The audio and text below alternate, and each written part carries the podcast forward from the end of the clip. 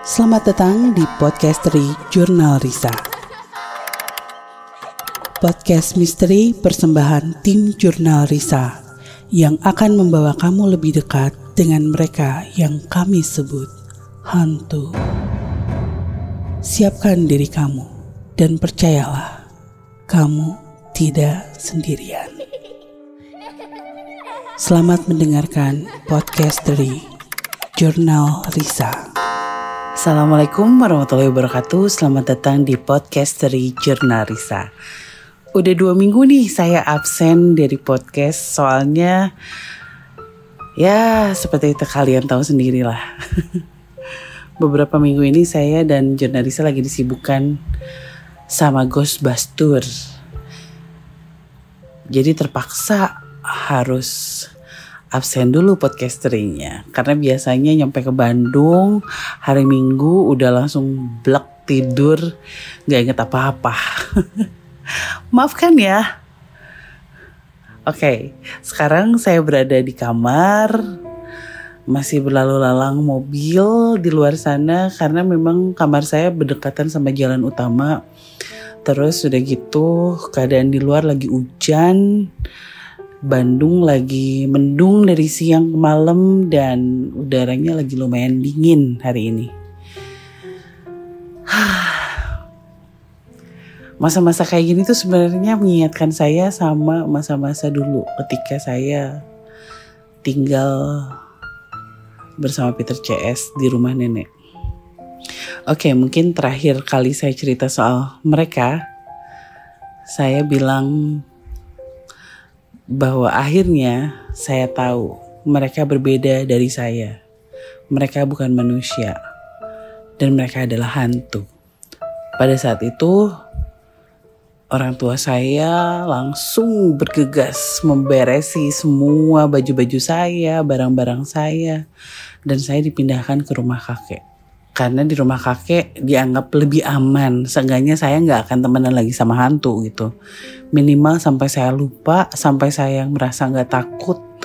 Karena jujur aja, pada saat kejadian itu, pada saat akhirnya saya tahu bahwa mereka berbeda dengan saya, saya ketakutan setengah mati. Ya kalian bayangin, anak SD harus melihat pemandangan di mana sahabat-sahabatnya menjerit-jerit, meminta saya untuk menutup mata dalam keadaan badan dan kepala yang terpisah. Butuh beberapa saat untuk mencerna semuanya. Pada saat itu saya benar-benar ketakutan dan tahu gak sih rasanya kehilangan gitu. Karena ngerasa gak ada lagi harapan. Maksudnya dulu sih sebelumnya tuh ada harapan kami akan bisa bersama.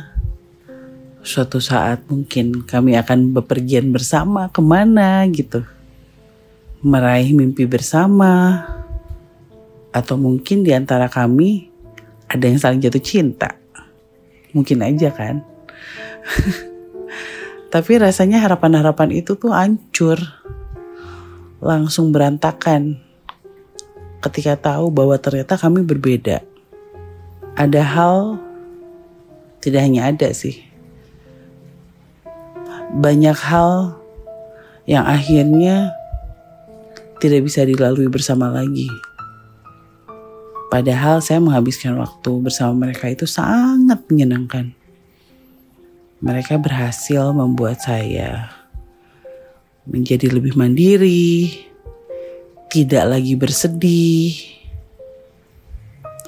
tidak lagi menangis, dan tidak lagi menyesali kepindahan saya ke Bandung.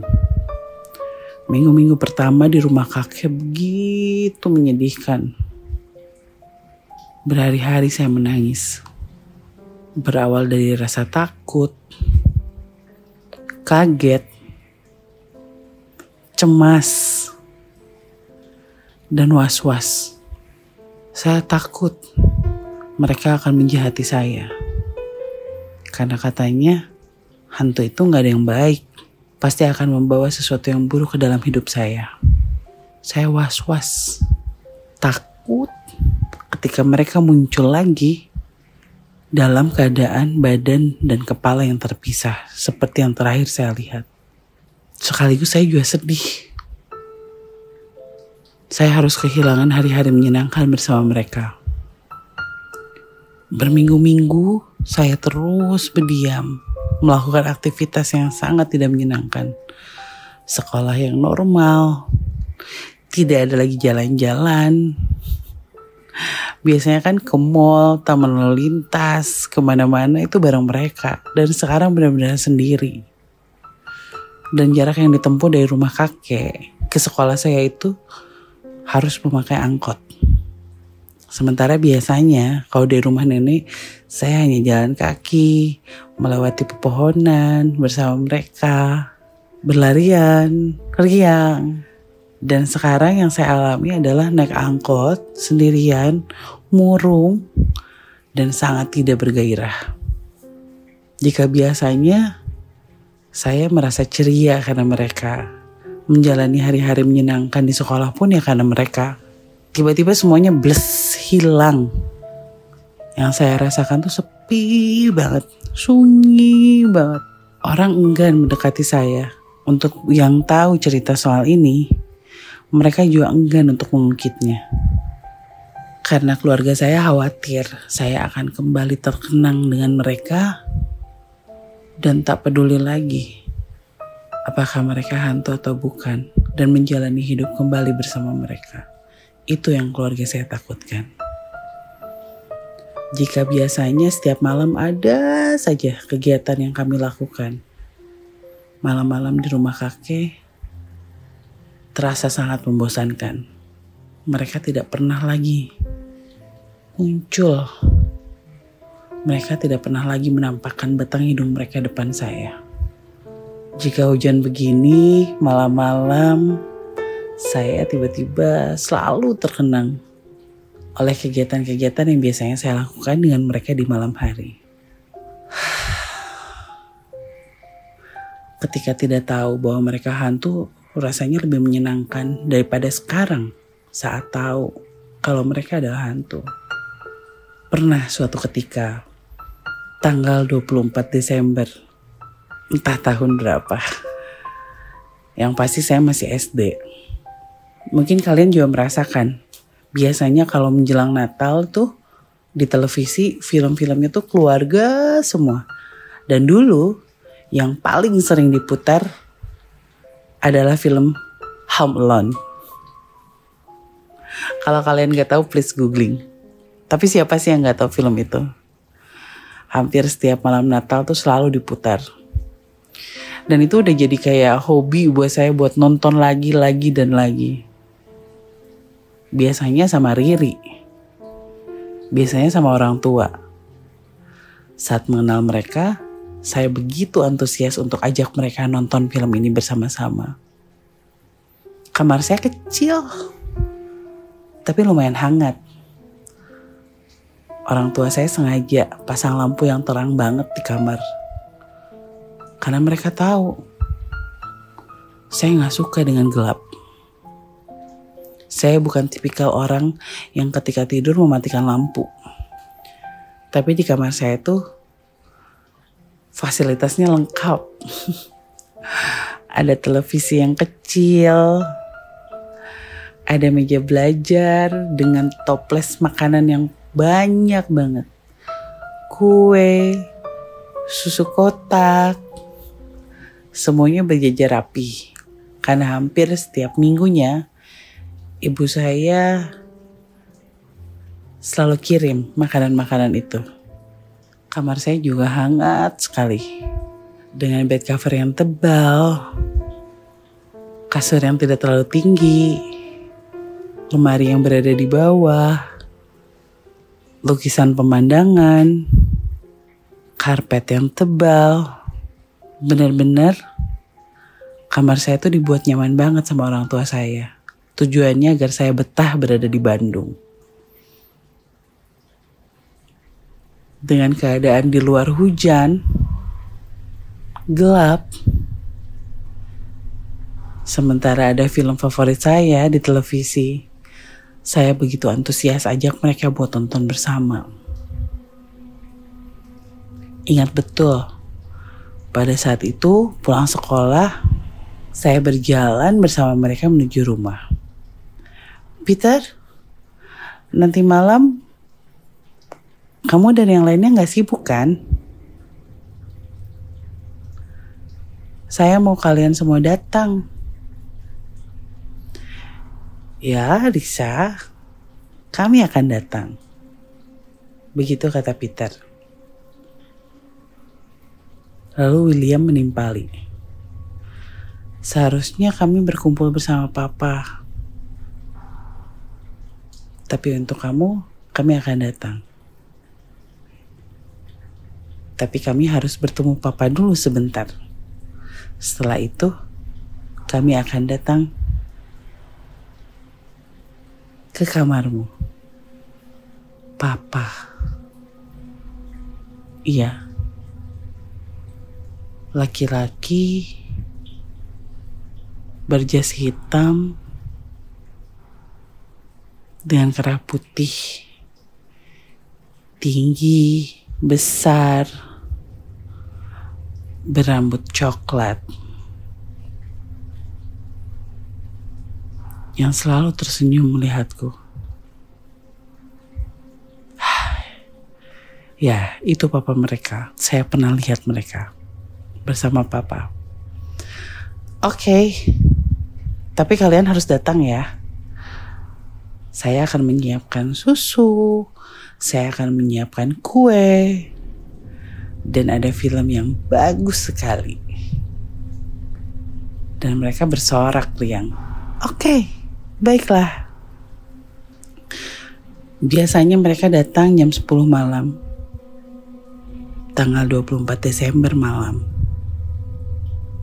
Saya rela menghabiskan malam dengan begadang bersama mereka. Karena tahu, tanggal 25 Desember selalu libur kan, tanggal merah, hari Natal. Mereka akan datang. Saya waktu itu nggak sadar sih bagaimana cara mereka masuk. Dan bodohnya saya, saya nggak pernah tahu atau nggak pernah nanya bagaimana mungkin lima anak ini masuk tanpa membunyikan bel rumah, tanpa ada yang membukakan. Iya, pokoknya saya nggak peduli lah. Saya merasa mereka punya privilege lebih karena mereka adalah bule. Itu ya pikiran-pikiran anak kecil aja sih yang memang ya bodoh aja saya nggak tahu apa-apa. Mereka akan memanggil nama saya, Risa, Risa, bukakan pintunya. Saya bukakan pintunya dan si kecil Jansen masuk sambil bernyanyi.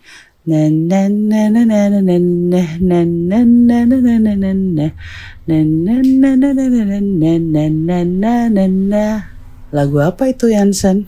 Tanya saya. Itu lagu yang diajarkan oleh Sarah dan Teddy kepada kami. Sarah dan Teddy adalah kakak-kakak mereka. Mereka bilang Sarah dan Teddy adalah kakak. Ya saya tidak tahu benar-benar kakak atau gimana. Toh anak-anak ini juga mereka bilang bersaudara tapi wajah mereka nggak ada yang mirip.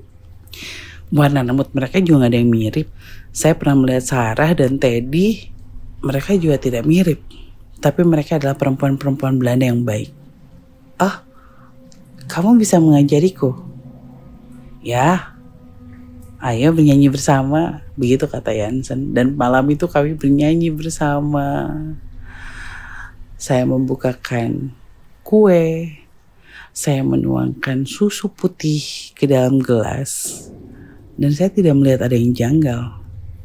Saya melihat mereka meminum susu, memakan kue. Walau memang tidak benar-benar habis. Saatnya menonton film.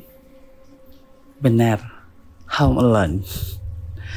Film tentang seorang anak yang tertinggal dan terpisah dari keluarganya. Mereka begitu takjub melihat ada pohon Natal karena kan film Home Alone itu selalu bertemakan Natal di Amerika. Dan mereka merasa takjub melihat pohon Natal, lampu-lampu, Santa Claus dan semua pernak-pernik Natal di film itu. Mereka suka banget sampai tercetus sebuah kata-kata nggak sebuah kata-kata ya sebuah kalimat Risa suatu saat kita harus ke sana ya kami ingin melihat pohon dengan lampu yang begitu besar lalu saya menjawab iya nanti kalau sudah besar kita pergi bersama-sama. Kami menonton filmnya bersama-sama. Dari mulai tawa, sedih, tegang, semua bercampur. Mereka tidak berhenti menimpali. Ini apa sih? Ini apa sih? Ini apa sih? Dan saya yang udah sering banget nonton filmnya,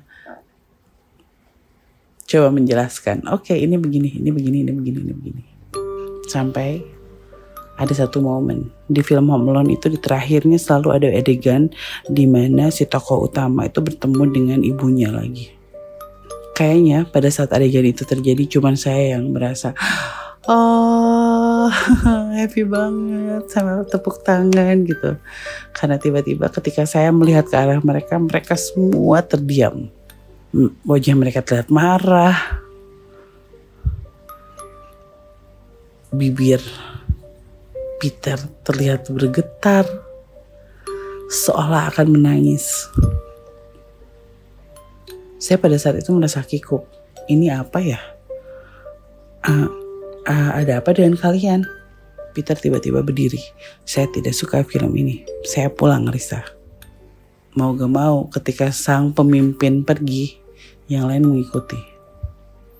Bukakan pintunya, Risa saya nggak tahu apa-apa bingung kan. Tapi ya udahlah saya bukain pintunya mereka langsung keluar. Saya bukain pintunya dan mereka langsung keluar bersamaan. Menyisakan tanda tanya besar dalam benak saya ini kenapa ya? Ada yang salah dengan film ini? Ada yang salah dengan sikap saya atau ada yang salah dengan situasi ini? Saya nggak tahu benar-benar bingung. Sampai akhirnya seharian itu setelah malam itu mereka tidak muncul keesokan harinya saya pikir mereka akan datang lagi karena ya udahlah gitu. Saya juga kurang paham sebenarnya apa salah saya. Ada masalah apa saya juga nggak tahu. Ya sudahlah, saya pikir mungkin ya ini sih marah-marahnya anak kecil aja. Besok juga lupa dan balik lagi seperti biasa. Namun nyatanya seharian itu mereka tidak muncul. Tanggal 25 malam, saya mulai resah ini apa ya yang bikin mereka marah? Abi teh ayeuna gaduh hiji boneka tekinten saena sarang lucuna Peter William, Hans, Hendrik, Jansen. Datanglah. Datanglah. Saya membutuhkan kalian. Hening. Nggak seperti biasanya. Biasanya ketika saya menyanyikan lagu itu, samar sampai menjadi pasti saya melihat mereka berdatangan. Biasanya seperti itu. Tapi hari itu nihil. Mereka gak muncul. Saya terus bernyanyi. Abite ayena gaduh hiji boneka tekinten saena sarang lucuna.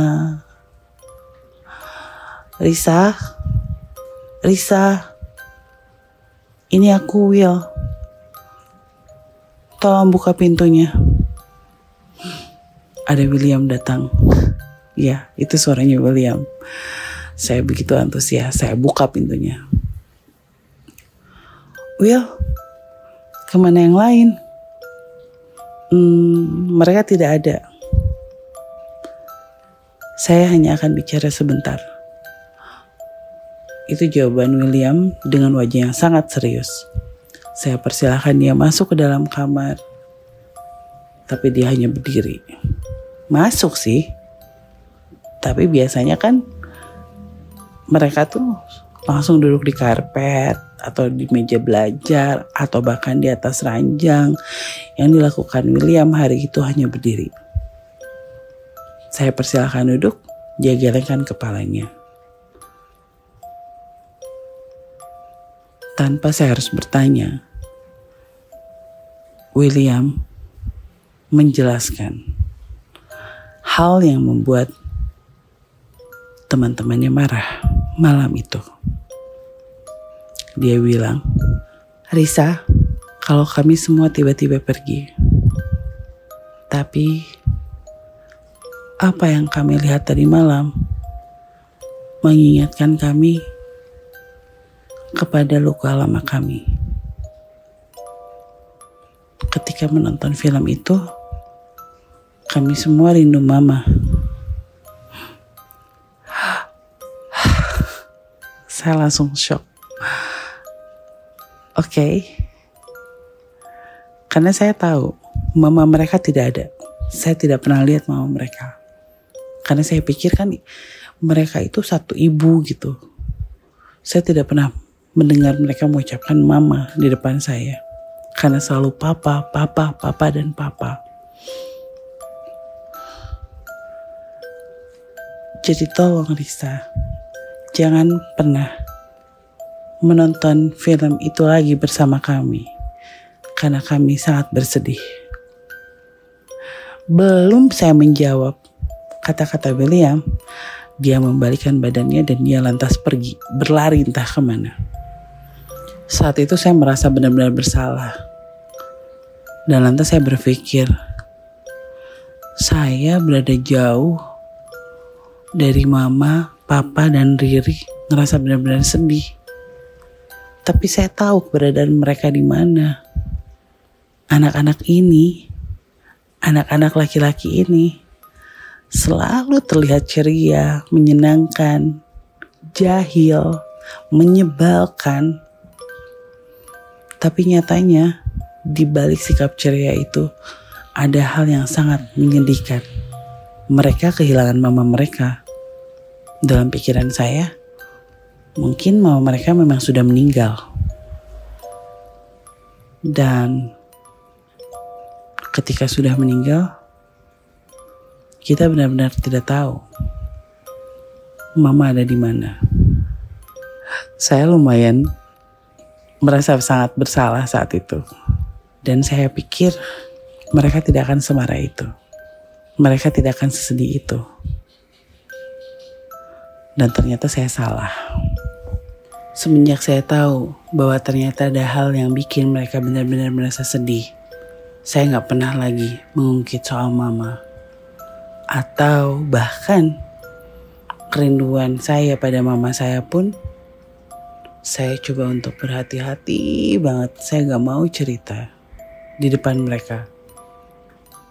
Memang butuh waktu untuk akhirnya membuat mereka benar-benar kembali ceria.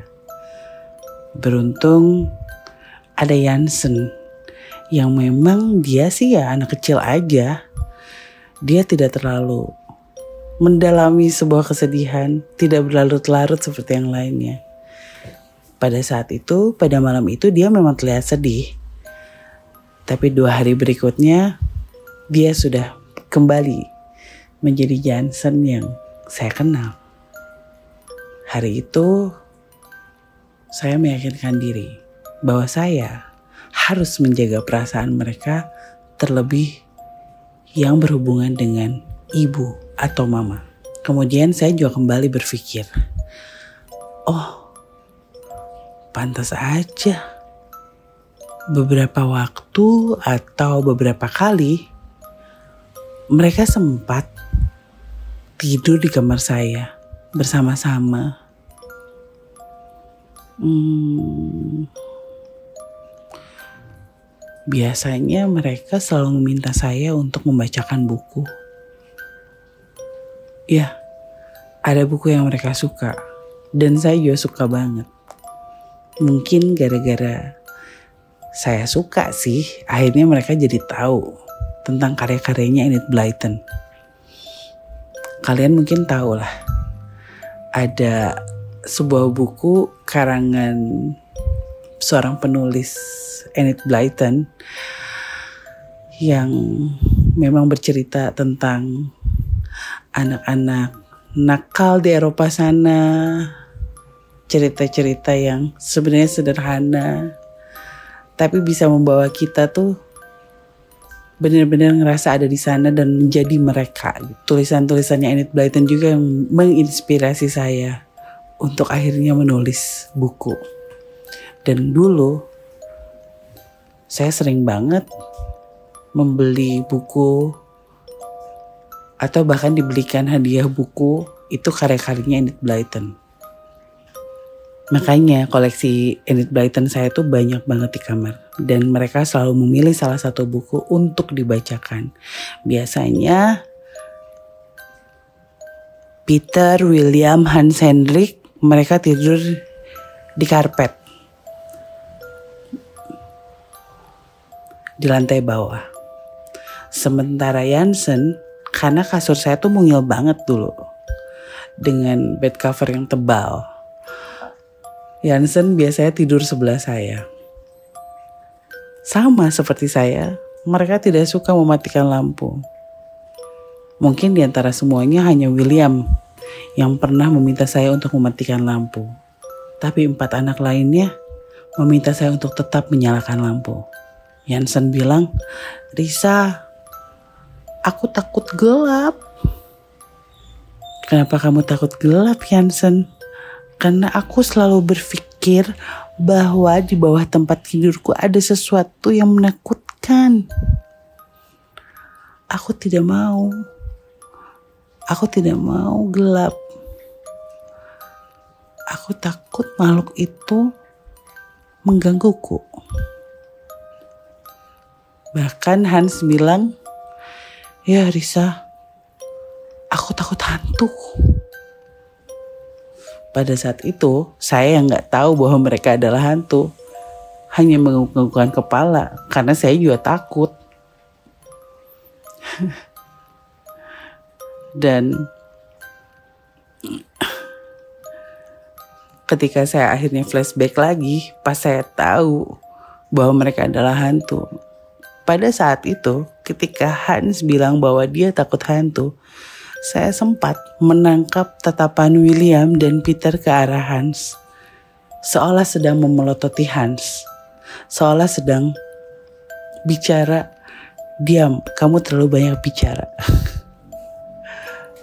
Akhirnya saya ngerti maksud dari tatapan itu.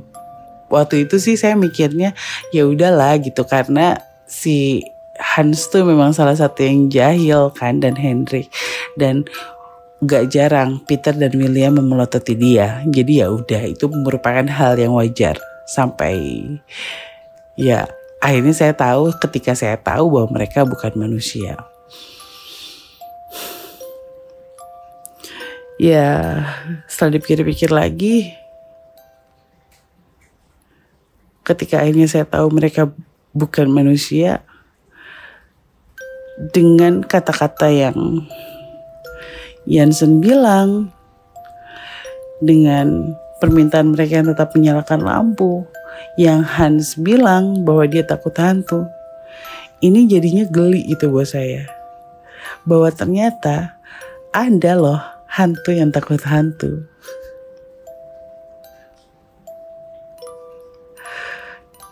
Ini jadi jadi salah satu hal yang bikin saya ketika saya pada saat itu tinggal di rumah kakek mulai flashback lagi dan mulai membayangkan oh begini ya? Uh, oh oh iya ya? Oh iya ya?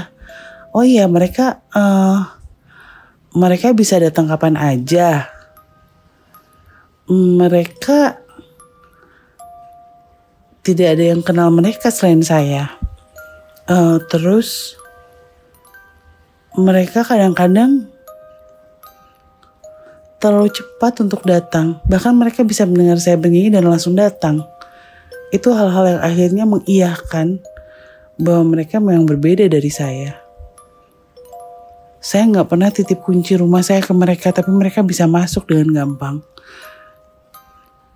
Saya tidak nyanyi sekencang itu untuk memanggil mereka, tapi mereka dengar. Hal-hal itu yang akhirnya di rumah kakek itu bikin saya berpikir, berpikir, dan berpikir. Tapi ketika ingat bagaimana kami menginap di kamar, Jansen yang bilang takut ada makhluk aneh di bawah ranjang. Hans yang bilang kalau dia takut hantu. Mereka yang selalu minta dibacakan cerita dari buku yang saya punya. Itu itu tuh kayak meruntuhkan batasan antara manusia dan hantu di mata saya. Iya oke okay, mereka hantu, mereka berbeda, tapi ada sisi manusiawi yang saya rasakan dari mereka. Yang bahkan saya juga rasakan ketika saya juga takut kalau kalau lampu kamar dimatikan, ketika saya juga takut membayangkan sosok sundel bolong, lalu saya juga kadang selalu berimajinasi ada monster di bawah ranjang atau ketika hujan ada halilintar, ada petir. Itu membuat saya tegang dan deg-degan. Dan itu saya lihat di Peter CS. Ketika saya merasakan itu, mereka juga terlihat merasakan hal yang sama. Saya tahu mereka nggak bohong, mereka benar-benar merasakan apa yang saya rasakan. Dari situ, rasa takut saya mulai luntur, rasa was-was saya mulai hilang, rasa cemas saya hilang. Yang ada hanya kesedihan sedih. Karena sepertinya saya nggak bisa temuin lagi mereka. Alih-alih bisa melupakan mereka, semakin hari semakin saya ingin bertemu mereka. Dan dalam hati saya memutuskan untuk tetap berteman dengan mereka. Saya mau cari mereka. Saya nggak peduli lagi sama keluarga saya. Mereka tidak tahu apa yang saya rasakan ketika saya bersama dengan Peter CS. Toh ini juga baik buat saya. Saya jadi nggak homesick. Saya jadi nggak cengeng. Saya jadi berani ke mana-mana. Dan saya jadi tidak menyusahkan banyak orang kan. Saya pikir dengan keberadaan Peter CS saya merasa terlindungi. Saya merasa bisa melakukan semuanya sendirian. Tidak lagi perlu menggantungkan hidup sama keluarga saya, sama orang-orang dewasa, orang-orang besar. Saya yang anak kecil ini bisa kok melakukannya sendirian, asalkan ada Peter CS. Oke, okay, saya akan mencari mereka hmm, saya akan meyakinkan keluarga saya juga bahwa saya udah lupa sama mereka dan saya udah gak bisa lihat mereka. Itu yang ada di kepala saya. Saya udah gak peduli lagi sih. Ya terserah orang mau menganggap apa ketika mereka tahu kalau saya berteman dengan hantu. Tapi buat saya, Peter CS itu lebih manusiawi daripada manusia yang sesungguhnya. Itu yang saya rasakan. Mereka lebih jujur. Mereka tidak menutup-nutupi apa yang mereka rasakan terhadap saya. Ketika ada sesuatu yang janjikan, mereka akan menepati itu. Dan itu adalah hal yang sangat jarang saya rasakan, saya dapatkan dari manusia. Gak kerasa Udah beberapa bulan ini, saya tinggal bersama kakek. Dan saya sudah mulai menunjukkan gelagat bahwa saya baik-baik aja. Saya mau kembali ke rumah nenek saya. Saya tidak akan lagi berhubungan dengan Peter CS. Itu kata mulut saya. Hati saya tidak berkata seperti itu. Dan keluarga saya merasa bahwa apa yang saya katakan itu jujur, benar. Kedua orang tua saya mulai mengiyakan. Oke, okay, dengan alasan efisiensi waktu, jarak dari rumah ke sekolah, mereka lebih worried ketika saya harus pakai angkot ke sekolah. Ketimbang saya dari rumah jalan kaki ke sekolah akhirnya ketika mereka udah benar-benar yakin bahwa saya tidak lagi memikirkan Peter CS, bahwa saya sudah menutup gerbang pertemanan saya dengan Peter CS, akhirnya saya kembali ke rumah nenek. Sebenarnya saya mau cerita selama satu jam, cuman kayaknya nggak asik motong-motongnya dan kerongkongan saya ini udah kering banget ini. Aduh, maaf kalau saya ceritanya cuma 45 menit. Karena ini enak nih ngekatnya. Kalian pasti penasaran kan apa yang terjadi ketika saya kembali lagi ke rumah nenek saya. Apakah saya ketemu lagi sama Peter CS? Apakah ada hal yang bikin kami semakin dekat atau bahkan kami semakin jauh? Apakah ada hantu lain? Hmm. Tunggu di podcast dari Jurnalisa minggu depan ya ingetin saya buat posting terus. Oke? Okay? Dadah. Assalamualaikum warahmatullahi wabarakatuh.